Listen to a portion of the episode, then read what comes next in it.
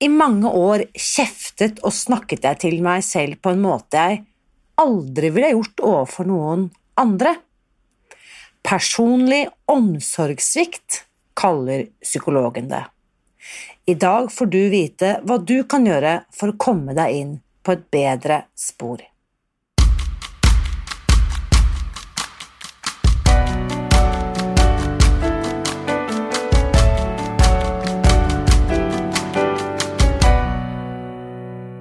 Mitt navn er Irina Li. Jeg er journalist og forlegger, gründer og sosialentreprenør. I 2015 spiste jeg meg fri fra overvekt og fedme etter å ha slitt med vekt, kropp og følelser i nesten 30 år. Etter at jeg fant oppskriften på å spise meg fri, ga jeg meg selv et nytt oppdrag å dele denne kunnskapen med alle som trenger det. I første sesong av denne podkasten deler jeg hele lydboken eh, Spis deg fri. Den finner du ved å bla deg tilbake til høsten 2019. Og hver uke inviterer jeg nå gjester som gir deg påfyll til hodet, hjertet og magen. For min visjon er å endre Helse-Norge, og det får jeg ikke til alene. Du kan bidra ved å abonnere på podkasten, skrive en omtale i iTunes og dele denne episoden med noen du bryr deg om. Da setter vi i gang med ukens episode. Trond Edvard Haukedal har jobbet som klinisk psykolog i mer enn 30 år. Gjennom disse årene har han lagt merke til at eh, noen av oss behandler oss selv dårligere enn vi ville ha gjort mot andre. Og det finnes en forklaring på hvorfor det har blitt slik. Og enda viktigere, Trond Edvard gir deg i dag enkle og lettfattelige råd for hva du kan gjøre for å få det bedre. Før du skal få møte psykologen, så skal jeg ta med en tilbakemelding fra en lytter som skrev dette i iTunes for et par uker siden. Tøsje er veldig fornøyd med dette opplegget og skriver Endelig noe som virker. Og her får jeg støtte og hjelp til å nå mine mål. Mitt motto det du gjør, gjør det fullt og helt, ikke stykkevis og delt. Ikke alltid like lett, men det er en ny dag i morgen dersom jeg har feilet i dag. Har passert 60 dager og har kvittet meg med 7 kilo. Så her må jeg bare si tusen takk for din tilbakemelding, og jeg er så glad for at eh, denne lytteren nevner betydningen av hjelp og støtte, som eh, psykolog eh, Trond Edvard Haukedal også skal komme inn på i dagens episode. Fordi våre handlinger påvirkes jo nemlig av menneskene vi velger å omgå. Så hvis du ønsker å oppleve effekten av å omgi deg med andre som i disse dager gjør en formidabel innsats for å spise seg fri, så bli med inn i Facebook-gruppen Storefri 2020. Dette er en såkalt pop-up, dvs. Si en midlertidig Facebook-gruppe som jeg har dratt i gang denne måneden for å gi deg en litt lettere start på høsten. Faktisk, siden jeg nevnte dette i forrige uke, så har altså nærmere 500 personer nå blitt med inn i Storefri allerede, og vi har plass til deg også. Du finner oss ved å søke på Storefri 2020 i Facebook. Sånn, da setter vi i gang. Velkommen til denne podkasten, Trond Edvard. Tusen takk for det. Tusen, tusen takk for at du ville være med, og jeg har gledet meg veldig til å få anledning til å møte deg og snakke med deg. Ja, takk for det òg. Og um, skal, jeg skal komme litt inn på hvordan jeg oppdaget deg, men for de som ikke kjenner deg, kunne du ikke gi oss en liten introduksjon av hvem er du, og hva driver du med? Ja, jeg eh, har vært klinisk psykolog i vel 35 år. Eh, og når jeg var ferdig i 1985, så fikk jeg jobb der jeg hadde min hovedpraksis. Eh, på Sandviken sykehus, poliklinikken her i Bergen. Men det, det var, jeg fikk ikke fast jobb, det var, bare, det var bare vikariater å få. Så etter et par-tre år så ble jeg lei av disse vikariatene og så begynte jeg å søke andre typer jobber. Jeg har alltid vært en sånn litt utradisjonell godt type som har gått mine egne veier. Så da fikk jeg jobb som senterleder først i Knarvik senter, og så leide jeg et legekontor på kveldstid med privatpraksis. Og så, og så tre år i Knarvik så ble jeg senterdirektør i Oasen i Fyllingsdalen, et av de større og et av de første kjøpesentrene i Norge. Eh, og, eh, og, jeg ble formet noe som heter Norsk kjøpesenterforening.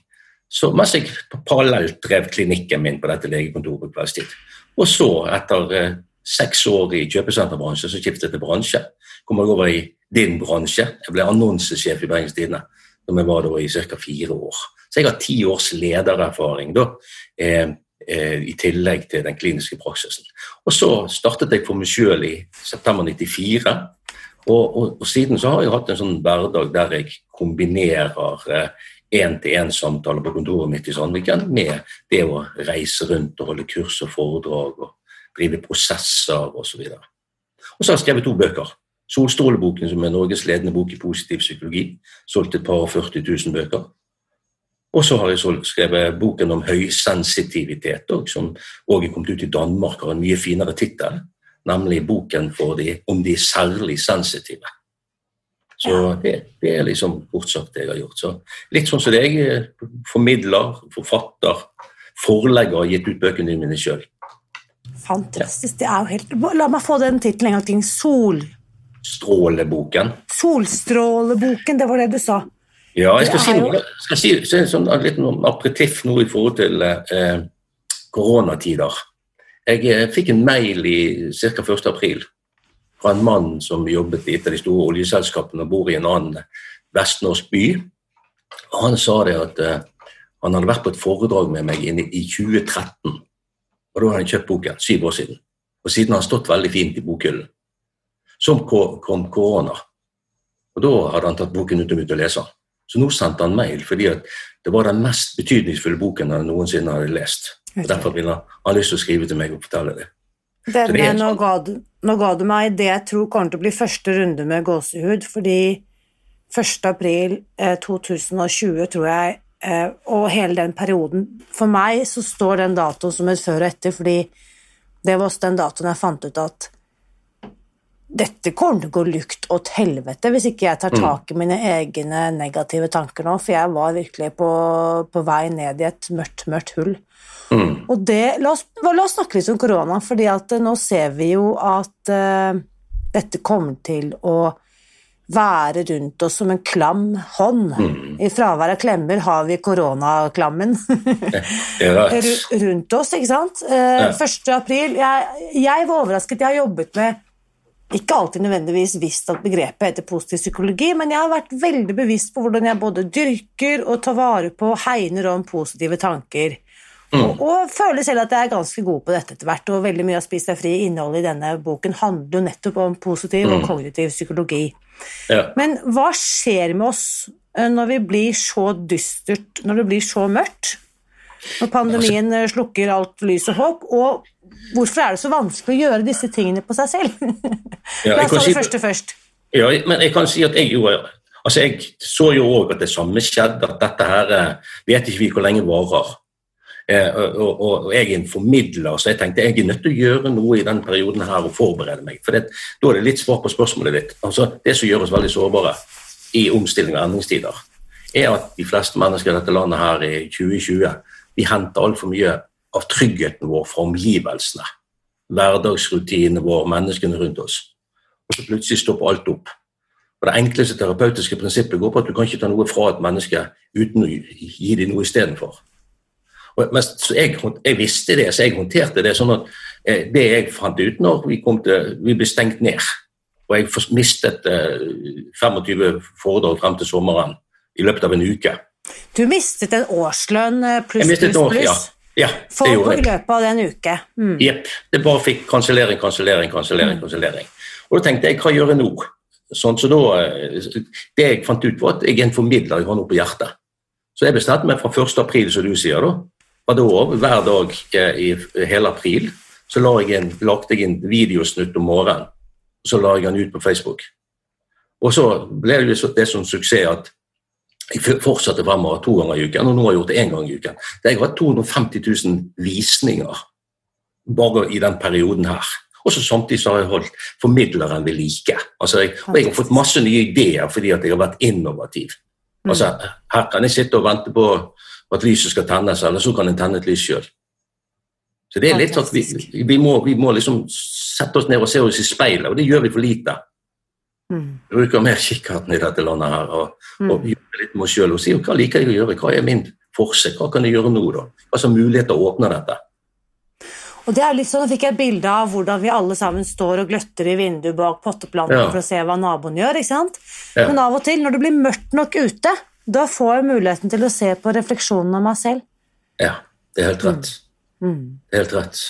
Og det er akkurat det, altså. Det å, altså vi har laget oss en smalere og smalere komfortsone. Den er vi nødt til å gå utenfor. Og, og, og det er litt av det som hemmer oss i hverdagen òg, at det, altså vi tar ting personlig. Vi blander egenverdien i det inn i alle typer forhold. og Derfor blir vi liksom, det moderne mennesket avhengig av mestring. Vi gjør bare det som vi mestrer. Og plutselig så skal ikke jeg gjøre det som jeg mestret. Og da liksom går du ned i det sorte hullet. Så hva kan, er det for tidlig Nå møtes jo du og jeg eh, mm. liksom via Zoom, sånn som vi også nå har blitt vant til, at det er sånn nå på en måte menneskemøtet foregår. Eh, Vi er i slutten av august 2020. Vi har levd med denne nye hverdagen nå i fem-seks måneder, og vi skal leve med den en god stund til, uten tvil. Ja. Er det for tidlig, eller kan vi allerede nå si at denne eh, pandemien har også gitt oss noe viktig og verdifullt? Jeg tror at vi har oppdaget at eh, altså, Vi har kjent litt på hva vi savner som vi kanskje tar for gitt. Altså Bare det å gi mennesker som betyr noe for deg, eh, venner og sånt, en klem, det kanskje blitt, var kanskje en vane. Men nå savner vi det. Så jeg tror at det, det er liksom vi, vi får litt til å altså, Det er noe som heter at det ikke lykkes å føre til takknemlighet. Det er takknemlighet som fører til lykke. Og vi bor jo i Norge og er jo heldige og har, har, har et liksom jeg, Ja, jeg sier det at vi er et eh, materielt eh, velfungerende land. Men, men vi, er, vi har en stort utbredt følelsesmessig fattigdom. Og jeg tror at noe av den rikheten som vi òg hadde i følelsene, tok vi kanskje for gitt. Og nå når vi ikke får lov å eh, liksom klemme hverandre, ta hverandre i hånden, ha en nærhet osv. Vi har mindre sosial kontakt. Så tror jeg at vi kjenner noe som kanskje var litt sånn automatisert, mens vi nå liksom kanskje blir litt mer ydmyke i forhold til. Mm. Takknemlige for. Og det var, det, apropos takknemlighet, jeg er så glad du nevner dette, fordi Ja. det var det jeg fant ut at jeg skulle begynne med 1. april. Mm. Det var å ta opp igjen vanen med å skrive takknemlighetsdagbok. Yes. I går kom jeg til dag 145. Mm. Jeg har gjort det, gitt meg selv den gaven hver dag. Uh, og jeg har jo også i mange mange år rådet andre og deltakere på kursene mine til å gjøre akkurat dette. Skriv ned tre ting hver kveld du er takknemlig for. Ja. Og hvis ikke du kommer på noe annet, så kan du være takknemlig for at dagen er over. At, ja. det, altså, grunnen til at det funker, er jo det at penger og følelser fungerer på nøyaktig samme måte. Altså, det er veldig mye uttak i vårt moderne samfunn. Krav, forventninger, ting som går litt skeis. Folk er redde eh, fordi at nettopp vi vet ikke hva koronaen gjør med oss osv. Det er uttak fra den, den eh, følelsesmessige bankkontoen. Og Det å være skrive takknemlighetssiden og osv. Det er å sette inn på konto at du systematisk øker likviditeten. Hvis du bare tar ut og tar ut, tar ut, så plutselig så står du der i kassen, så står du der, og så har ikke du dekning på konto. Så det er en sånn logikk. Dette, altså, og siden du nevner eh, Jeg var ikke klar over eh, at du hadde en så på en måte kommersiell bakgrunn før du nevner hele eh, Oasen og Knarvik og kjøpesenterforening og slike ting.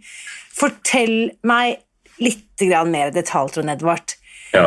Med da, eh, ut ifra et klinisk psykologperspektiv. Hva er det med denne shoppingen som er så berusende og saliggjørende?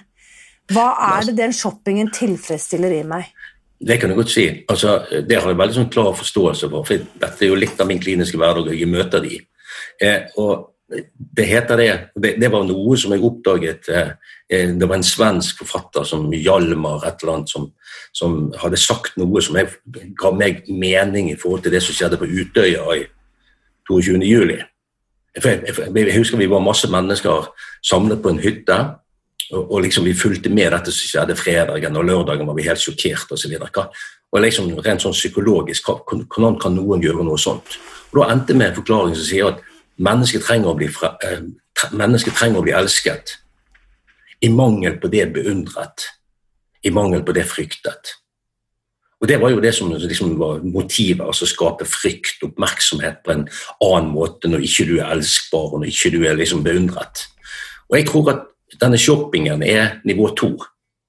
Altså Det er en kompensasjon for at ikke du føler deg god nok vellykket. Og så er shoppingen, da får du en ytre anerkjennelse. 'Å, fin, å, fin kåpe, og fin jakke, og, fin, og så fin vi har. Ja, jeg har vært ute og kjøpt noe nytt. Altså det er, en, det er en sånn billig kompensasjon for at vi kanskje ikke føler oss gode nok. Og jeg, Dette vet jeg ikke om du visste før vi møttes nå, men jeg skrev jo i 2013 en bok som heter 'Shoppingfri'. Ja. Som eh, handler om mine to år uten shopping. Og det ja. ble for meg en slags åndelig oppvåkning. Ja, ja, ja. ja, ja. men det, jeg, jeg, tror jo at det har skjedd litt nå i korona òg, at vi har brukt mye mindre penger. Vi ser vi trenger det ikke. Jo, det er fint ellers, og så videre også, det er, det er, en sånn vane, og vi blir liksom automatisert. og Det er jo det du har skrevet bok om òg, at vi må justere vanene våre. Mm. Sånn, For det er mange ting eh, som setter inn, tilsynelatende setter inn penger på den eh, kontoen, ja. eh, på lykkekontoen. Shopping kan være en av dem. Mat yep. kan være en av dem. Eh, ja. I USA ser man jo at det er blitt gjort forsøk. ikke sant, sånne Eh, dette belønningssenteret lyses opp når man eh, shopper og gambler og kjører ja. i ruspåvirket tilstand. For eksempel? Eh, og eller spiser mat. Hva tenker du, Trond Edvard, uten at dette nødvendigvis skal handle om mat, men tenker du at denne typen atferd, at man kan bli avhengig av denne typen atferd? Ja, det er, altså ikke bare atferden, men jeg kaller oss for følelsesjunkie junkies. Altså vi blir narkomane som blir hektet og avhengig av visse følelser. Enten de er gode eller dårlige. Altså, sant? altså nå, for, for, å si det på Jeg har jo på, på 35 år som kliniker så har jeg jo f.eks. møtt mange kvinner som har valgt menn som ligner på sin far, som partnere. Og det er jo ikke fordi at fornuften sier at fy flate, min far var helt fantastisk, jeg må ha tilsvarende. Nei, det er jo fordi at du har vent deg til et følelsesmønster. Det føles trygt og godt.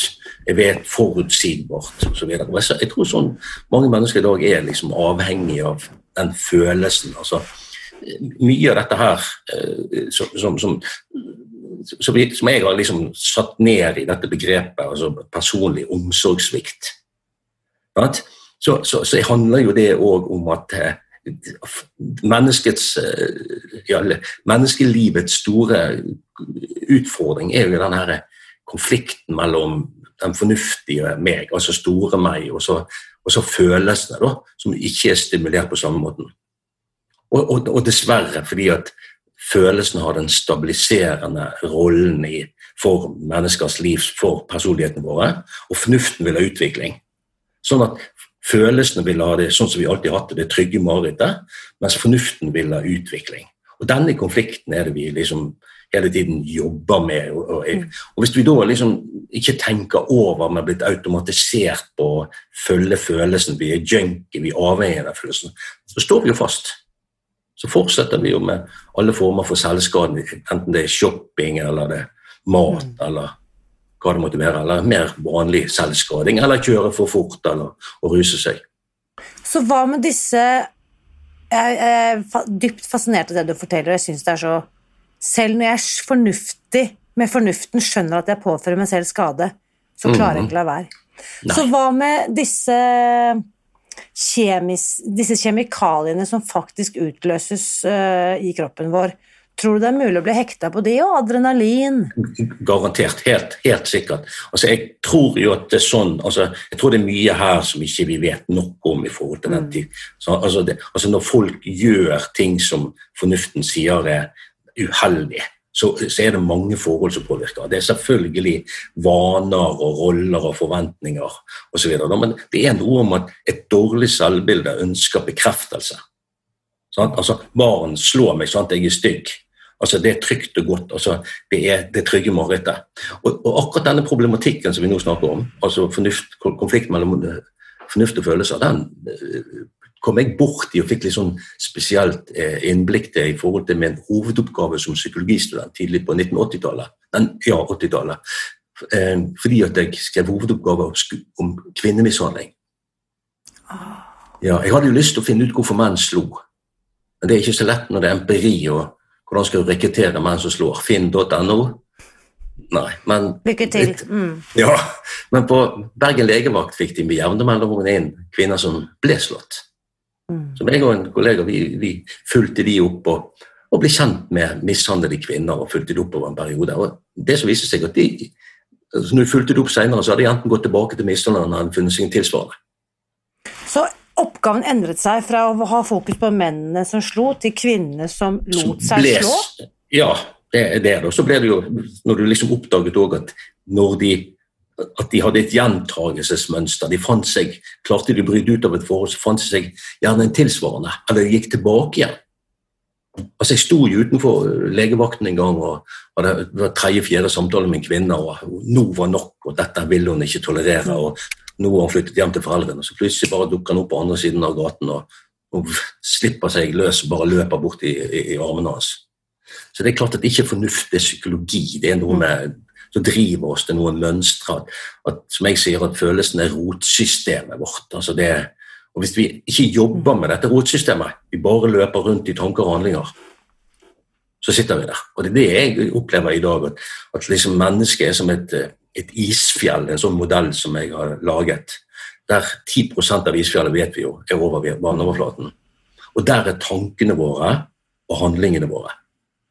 Mens de 90% under vannoverflaten, der ligger verdiene våre, holdningene våre, den indre motivasjonen, personligheten vår. Da har ikke vi tid, for vi har det så travelt. Mm. Og det, er liksom, verken synlig for andre, og kanskje ikke heller alltid for nei, Nei, mens, og, mens, det der, mens det der indrefileten vår sitter. Og der jobber ja. vi altfor lite. Mm. Og Det jeg synes var interessant, det du sa innledningsvis, er at et viktig terapeutisk prinsipp er at du ikke kan ta fra noen én handlingsstrategi uten å erstatte den med en annen. Det er helt rett. Veldig mye av disse Oppstod det et vakuum.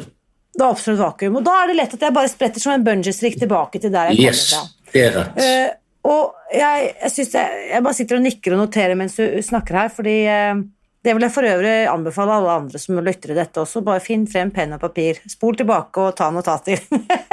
fordi um, uh, dette har jeg jobbet mye med i mitt eget liv, og det tar først tid å bli klar over mønstrene mine.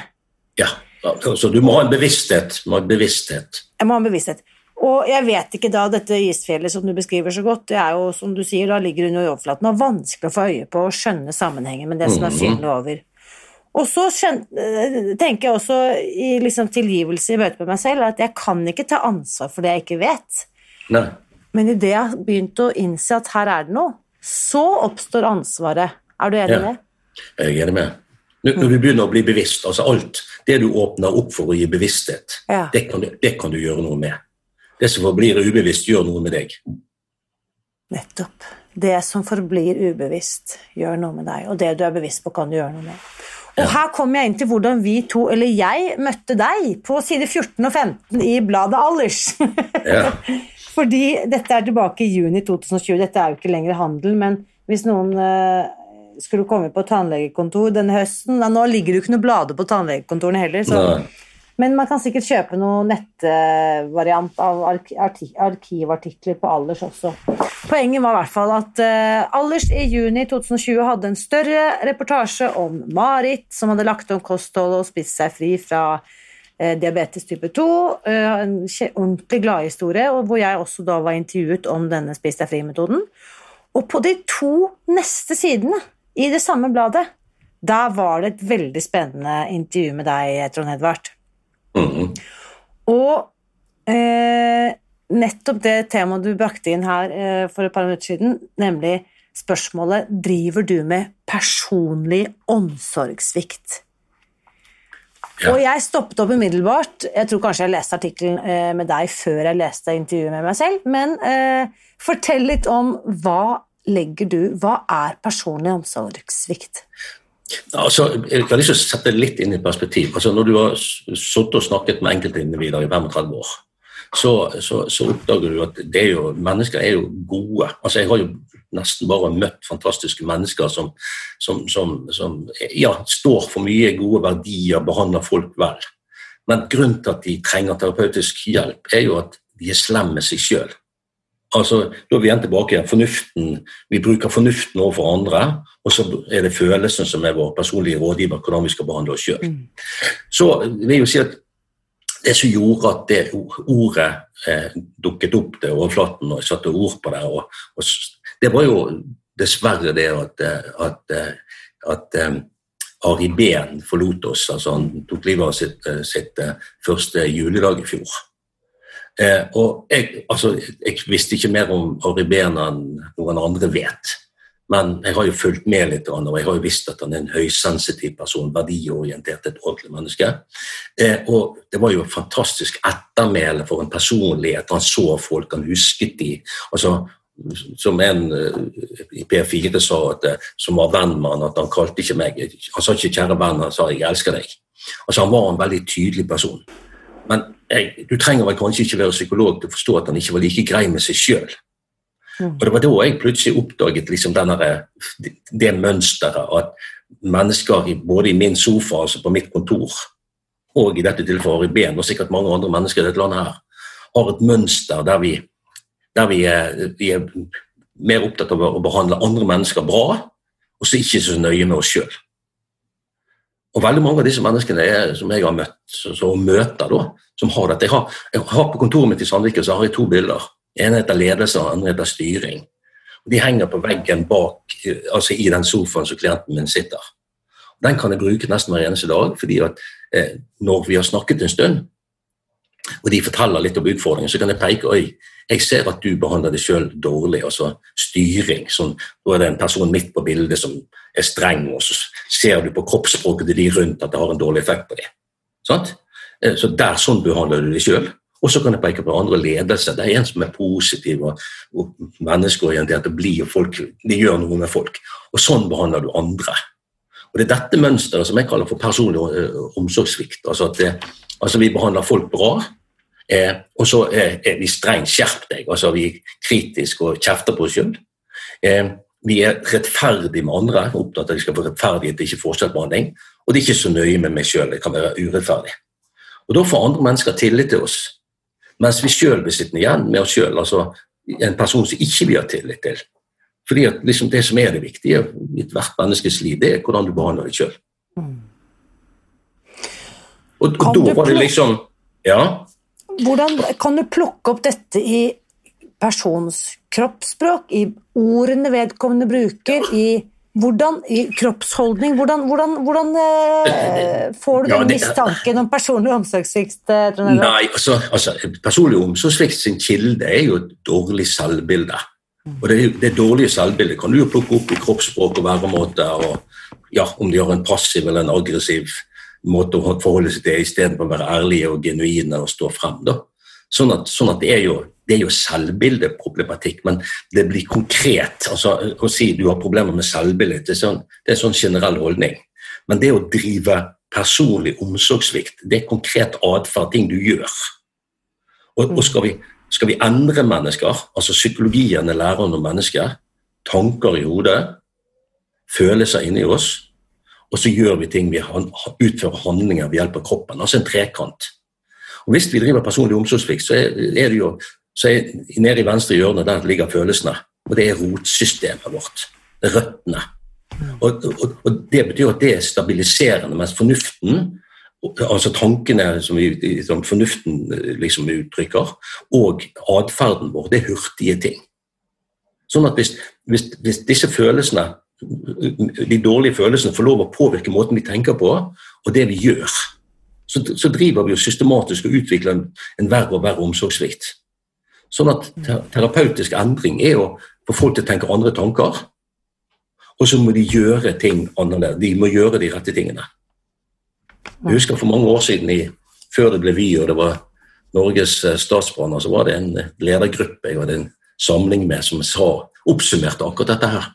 Og Da sa jeg liksom hvis du kan tenke de rette tankene, og gjør de rette tingene, så kommer de rette følelsene med et seinere tog. Den forsto de.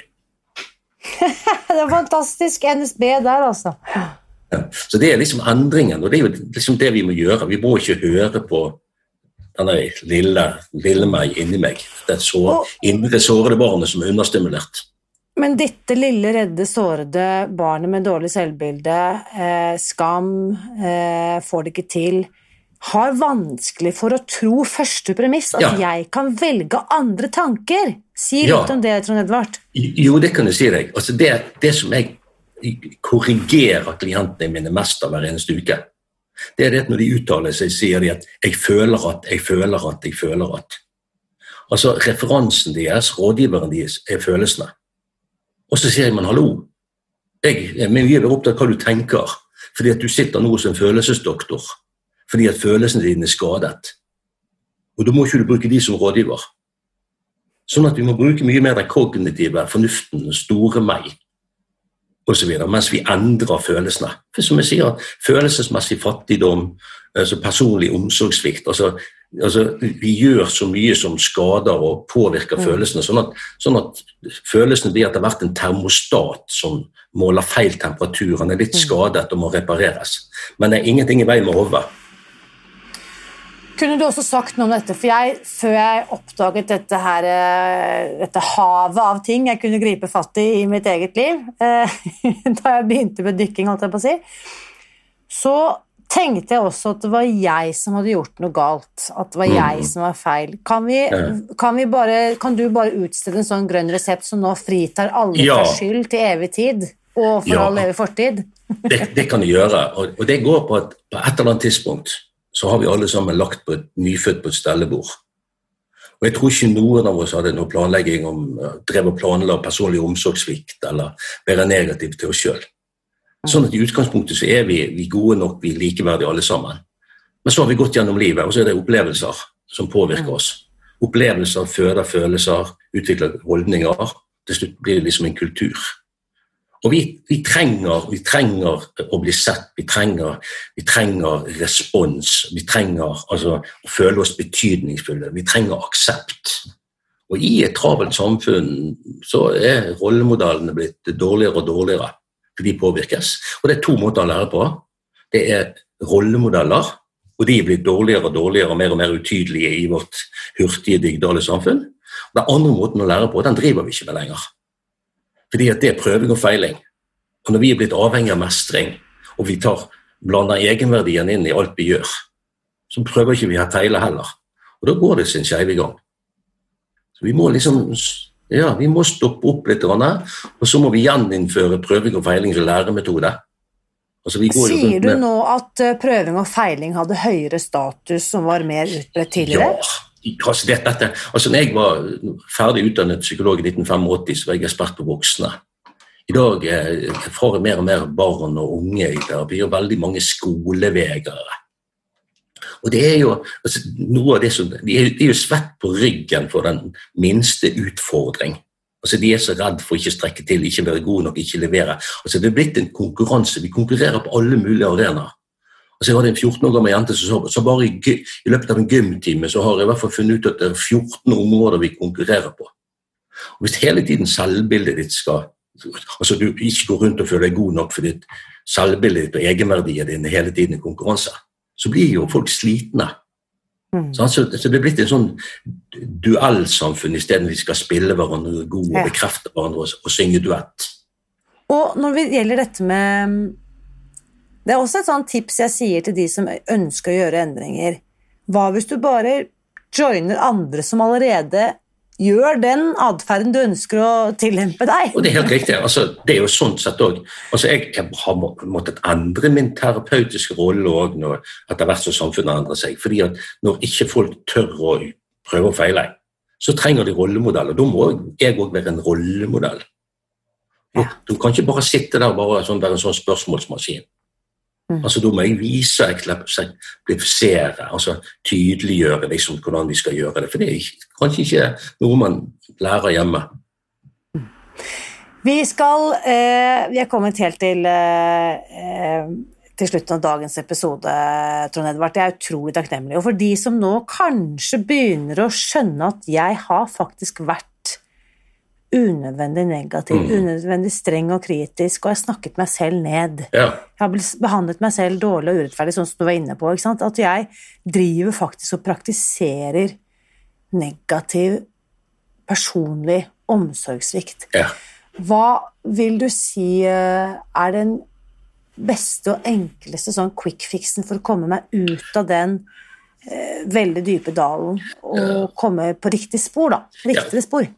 Det, det, det, skal jeg svare helt konkret på, men jeg har bare lyst til å sette det eh, liksom i et perspektiv. fordi det betyr at det å slutte med personlig omsorgssvikt, det å begynne en god form for selvledelse, det å være grei med seg sjøl, det er jo læring. altså Læring er lik atferdsendring, er lik personlig utvikling.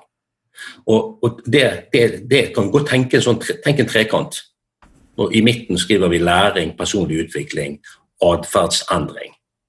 Og Da er faktisk punkt nummer én det er veldig enkelt. Det er holdning. Det er, du må bestemme deg for.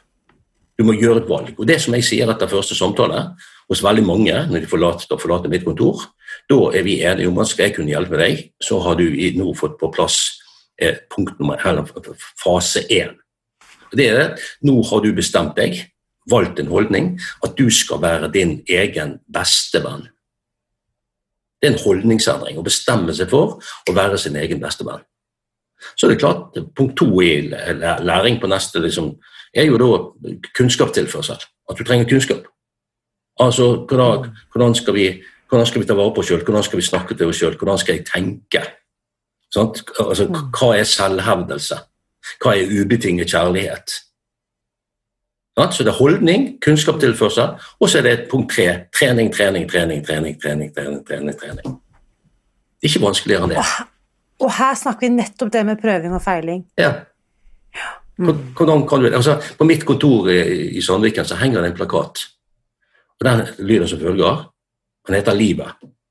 Livet er som en skoledag med glede og sorg som hovedfag. I gledens time trives du best. I sorgens time lærer du mest.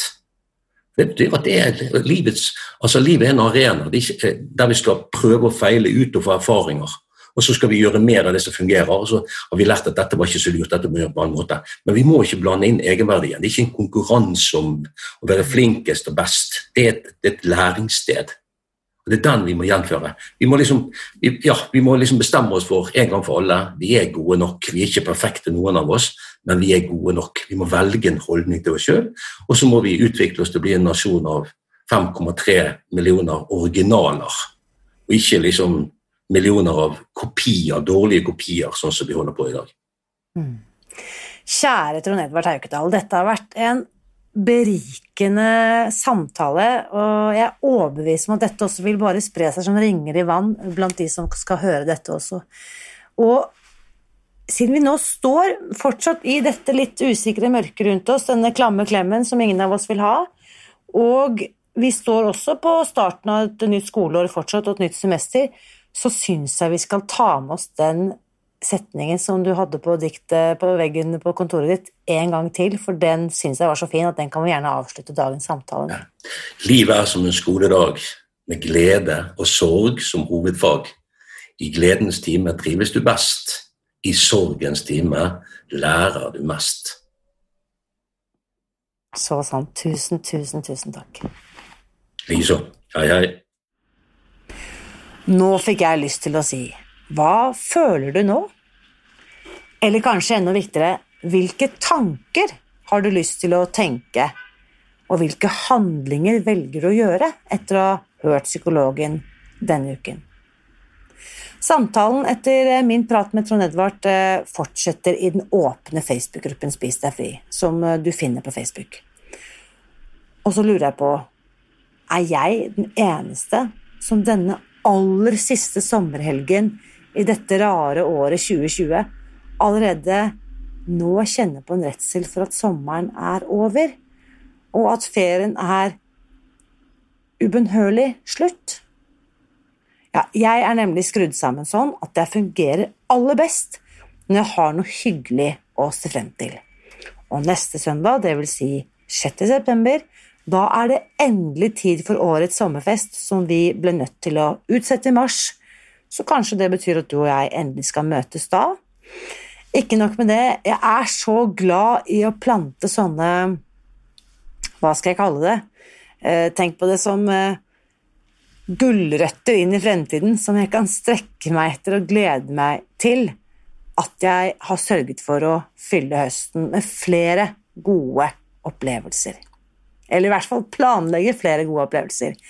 Og vanligvis så ville jeg ha planlagt en reise til varmere strøk, men det er ikke mulig akkurat nå om dagen, så derfor har jeg bestemt meg for å dra i gang et kortreist retreat her hjemme om noen uker, det vil si fra 9. til 11. oktober. Da arrangerer jeg en fantastisk høsthelg i samarbeid med Jomfrureiser, og du kan finne masse mer informasjon om den reisen på deres nettsider, jomfrureiser.no. Kort fortalt så har jeg bestemt meg for å legge inn en liten tur til Son og det fantastiske spahotellet som ligger der, helt nede ved fjorden. Det beste er at Son spa bare ligger en time sør for Oslo, som gjør det veldig enkelt å komme seg dit.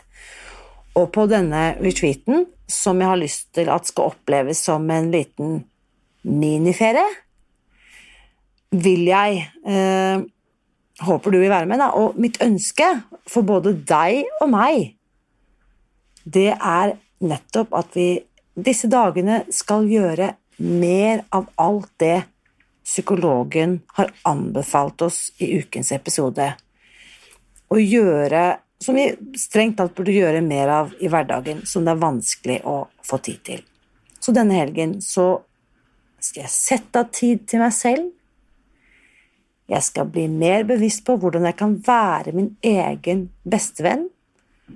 Og jeg skal jobbe med øvelser som gjør meg mer oppmerksom på hvilke tanker, følelser og handlinger jeg fyller livet mitt med.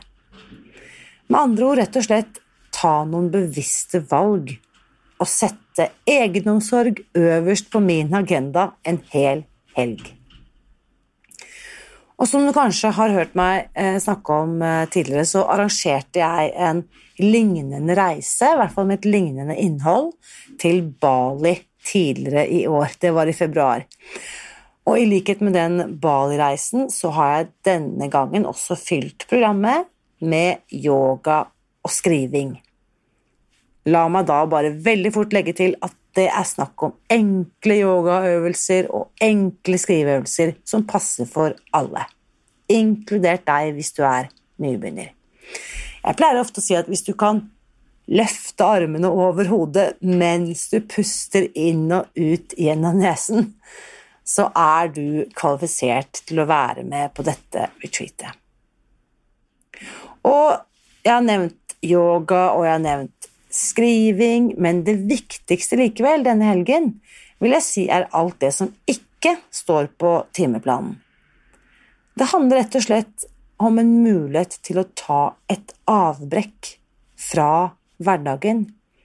Gi deg selv alenetid, stilletid, tid til ro og refleksjon og gode samtaler, hvor eh, målet ikke nødvendigvis er å bli bedre kjent med alle som er med på turen, men rett og slett til å bli litt bedre kjent med deg selv. Hva ønsker du egentlig å fylle dette livet med, nå som virkeligheten er blitt som den er blitt? For min egen del vet jeg at jeg alltid får noen gode svar når jeg setter av tid til å møte meg selv, når jeg stopper opp og møter meg selv både på yogamatten eller mens jeg gir meg selv muligheten til å reflektere over viktige spørsmål med penn i hånd. Så selv om vi ikke kan reise tilbake til Bali med det første, er det fortsatt mulig å bli med på en reise inn i deg selv. Høsthelgen ved fjorden den eh, finner altså sted fra fredag 9. til søndag 11. oktober 2020.